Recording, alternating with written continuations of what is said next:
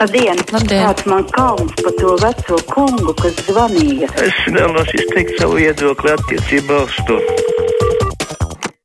Telefona numurs kā parasti ēterā mums ir 6722, 888, otrs numurs 672, 559, nu un caur mājaslapu varat sūtīt arī mums rakstiski, ko vēlaties.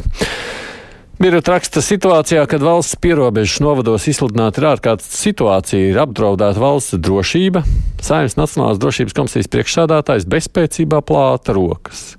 Kučīnska kungs, jums ir jākliedz skaļā balsī, līdz saima vai valsts prezidents beidzot padzen iekšlietu ministri muļļu, vai pat sabotieri, vai padzen pat visu valdību. Tā viņa raksta par šo te ilgo kavēšanos attiecībā uz um, robežas būvniecību. Halo!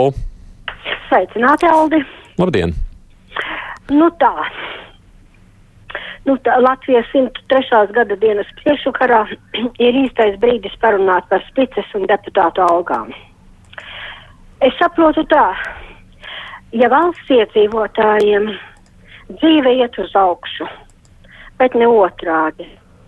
Ja vidējā alga 1000 eiro ir vidējā līmeņa ierēģiem, bet ne savādāk. Ja nomirušo statistikā ir 30, 50, šodien 79, bet ne 10, tā kā citās Baltijas valstīs, tad jā. Šodien tā ir neiedomājama bezskaunība. Es ceru, ka vēlētāji vakardienu, 16. novembri, ierakstīs savā atmiņā, jo tā ir neiedomājama bezskaunība. Mm, mm, tas par algu celšanu amatpersonām. Cilvēks ir gatavs pieņemt tikai to, ko viņš saprot, raksta mums Dace. Tas pilnā apjomā aptiecināms uz vakcināciju. Ar pavēliem, aizliegumiem vai pat apelēšanu pie sirdsapziņas panākt neko nevar. Tikai izpratnes veidošana ir tas, uz ko jāorientējas vakcinācijas organizētājiem. Nelīdzēs dzird Jakavļiev uzbrēciens ej vakcinēties, jo sapratni tas nerada. Pašreizējā cilvēku šķirošana vakcinētajos un nevakcinētajos nesapratni tikai liela palielinājusi. Pozitīva analīžu rādītāji ir gan vakcinētajiem, gan nevakcinētajiem. Tā tad inficēt var kā vienu, tā otru, par ko ir runa. Reizēs mums klausītāja Dace. Tā ceļa klausuli, halo! Uh, labdien! Labdien! Aidi, vakar es tev gribēju, nu, jautāju tev par to mm, policijas akadēmiju, kad uh, Golubeva, nu, no sākta gala viņi izvairījās, tad tagad vispār nerunā. Vai te mums vispār nav vajadzīgi izglītot izmeklētāji? Nu, pasaka kādu vārdu, kā tu domā, vai ir tā akadēmija būs tomēr, ja nebūs? Vai būs vai nebūs, nezinu, vai vajag vai nevajag. Tas arī es ne, neteikšu, ka es esmu eksperts, lai zinātu, vai labāka izglītība ir atsevišķa akadēmijā vai pašreizējā, un kas ir tā bijis vērts. Nu, mēs jau redzam, tie viedokļi ir bijuši dažādi, tāpēc savulaik izveidoja, pēc tam likvidēja, pēc tam spriež, ka tomēr tā bija kļūda. Tajā pašā laikā vai atjaunot vai nē, tas arī ir diskusijas jautājums. Jā, iespējams, kādreiz pie šī tēmata mums vajag atgriezties pašiem. Te par to iepriekšējo tematu mums raksta klausītājs Juris, ko tad darīt, ja ir iesniegt visi dokumenti, bet māju nepieņem. Tā ir tāls pusē Dundagas novadā. No nu, droši vien kaut kādi argumenti, kāpēc nepieņemt. Tur darētu, protams, uh, nu, es ceru, ka jums argumentē iesniedzot iesniegumus, kas ir pa vainu, kāpēc vēl šobrīd māja nav pieņemama. Halo! Halo! Lūdzu. Es esmu tikusi tagad. Esat gan tikusi, jā. Jā, labdien. labdien. Es par citu jautājumu, tā potēšanās jau ir līdz. Brošai. Līdz kaklam. Jā. jā, es par to pabriku vēstījumu, ka tās bruņa mašīnas te taisīs, un nu, mums ir liela valsts.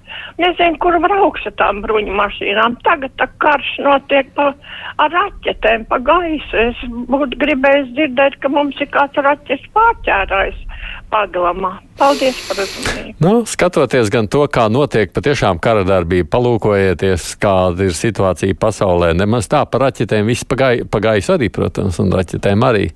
Bet, nu, nekas jau nenotiek tāpat bez sauszemes spēkiem. Man liekas, tas, ko dara Baltkrievija un Polija ar imigrantiem uz robežas, ir teroristu gatavošana nākotnē. Tā raksta Karsons. Mums daudz pēc piedzīvotā uz robežas noteikti radikalizēsies un centīsies pāri darītajiem atriepties. Nu, es gan varētu diskutēt, kurš šeit ir tas pāri darītājs. Halo! Labdien! Labdien!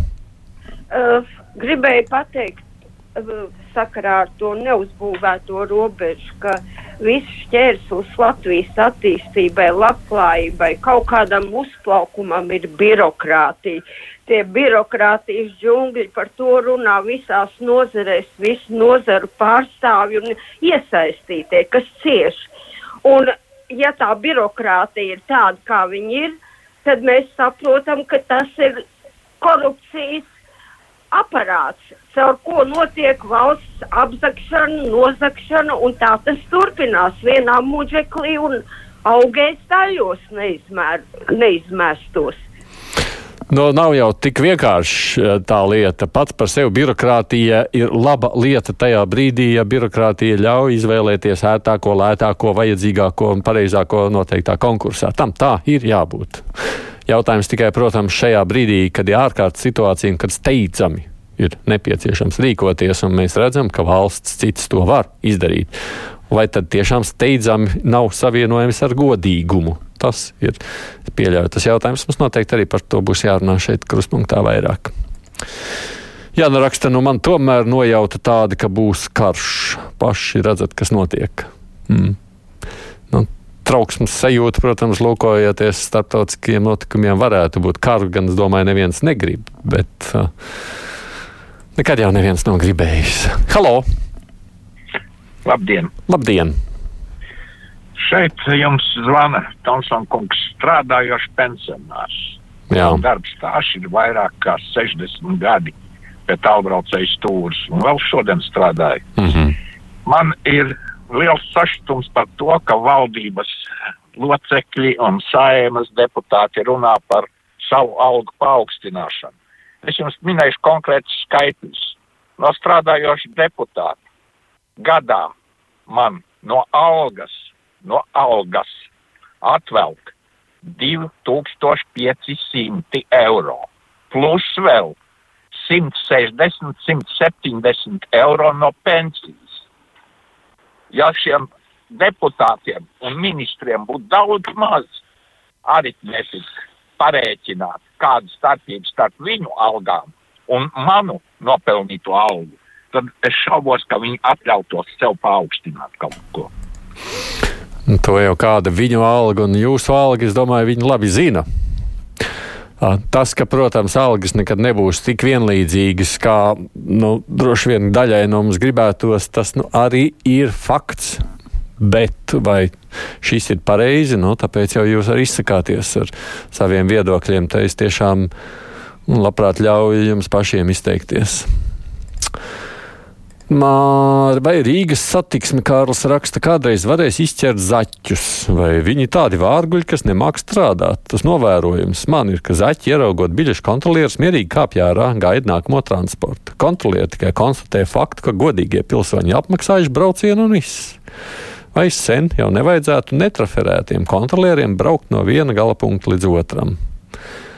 Es arī, Kārlis, esmu par to domājis. Es piekrītu, ka šī pašreizējā situācija, protams, nemudina nu, kaut vai mazliet baidīties braukt pa zaķi. Halo!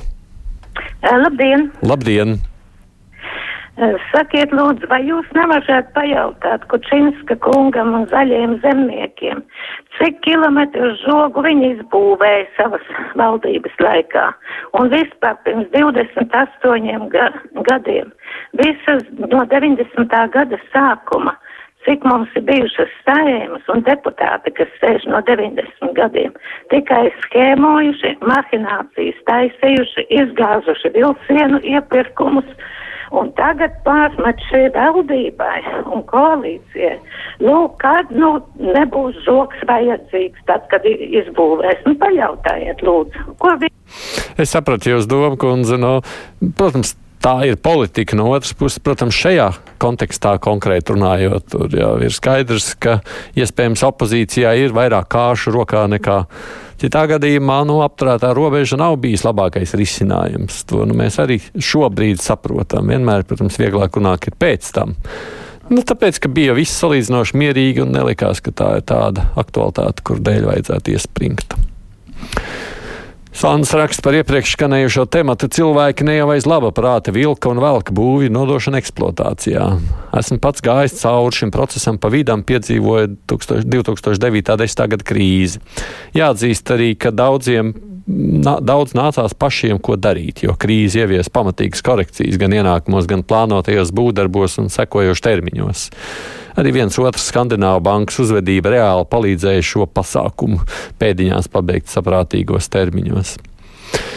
Tā jau arī droši vien ir. Nu, pieļauju, ka šobrīd tā krīze ar šiem izaicinājumiem ir beigusies, un tāpēc kaut kāda saprātīga termiņa varētu būt nosakāmi. Tāpēc jau arī tāds lēmums šobrīd ir pieņemts. Halo! Jā. Lūdzu! Halo. Jā. Vērojot tos notikumus uz polijas robežas, tāds iespējas rodās, ka um, tie spēcdienesti Baltkrievu vai, vai, vai Krievu uh, dod tiem bēgļiem, tiem, tiem bēgļiem, turistiem kaut kādu marihuānu vai ko, ka viņi tik nežēlīgi metās virsū uh, robežsargiem. Nu, tur jau nedomāju, ka tam ir jāizskaidro tā. Es domāju, to situāciju jau ļoti labi var saprast, ņemot vērā īpaši, kad paši Baltkrievijas pēcdienas, cik var nojaust, diezgan rūpīgi gādā par šīm reakcijām. Viņi jau paši iesaka, kā vajadzētu rīkoties un koordinēt to darbu. Tā jau mēs redzam no tām ziņām, kas parādās publiski. Tur nevajag nemaz sapīpēties, kā jūs sacījāt. Tur jau mēs pat redzam arī bērni. Nu, viņi arī izbauda akmens mešanu pāri robežai, kā varēja redzēt vakardienas kadros. Valsts terorisms Latvijā uzņem apgriezienus. Pie Rīmī man jau dēliņ tikai maizīt vajag, nedrīkst tikai ar certifikātu. Piedodiet, bet būs skarbi. Vai jūs tur augšā nelieši saprotat, ka esat paši aizdedzinājuši bumbu ar laika degli? Vai saprotat to, ka šādā veidā jūs mūsu garu tikai stiprāku darāt, ka mēs izturēsim, lai arī kā jūs mūs mēģinātu laust? Tā Valdemārs acīm redzot par nevakcinētajiem. Halo! Labdien! Labdien! Klausoties visu to, ko kundze iepriekš saka, jāsaka, viņam ir ārkārtīgi liela taisnība. Sevišķi tā, kas runāja par Kučinski, cik kilometrus Kučinskis savās divās darbības laikā izpildīja. Bet tas, ko es gribēju teikt, ir tas, kad, nu, liels, liels paldies tiem veidotājiem, kas veidoja uh, latviešu strēlniekiem veltīto koncertu no Vēs kultūras pils. Es to, protams, varēju dzirdēt nokavēti caur klasiku, bet es esmu ļoti, ļoti pateicīgi tiem cilvēkiem, jo šis koncerts tiešām bija latviešu strēlnieku piemiņas garā. Un to, ka latviešu televīzija nemāk koncerts rīkot ar tām čaukstošajām meitenītēm, tur, kas tur arī tā, nu, ziniet, gadu no gada, nekā. Nu, gaumi, protams, ir vajadzīgs arī čaukstošs meitenītes, kā jūs redzat.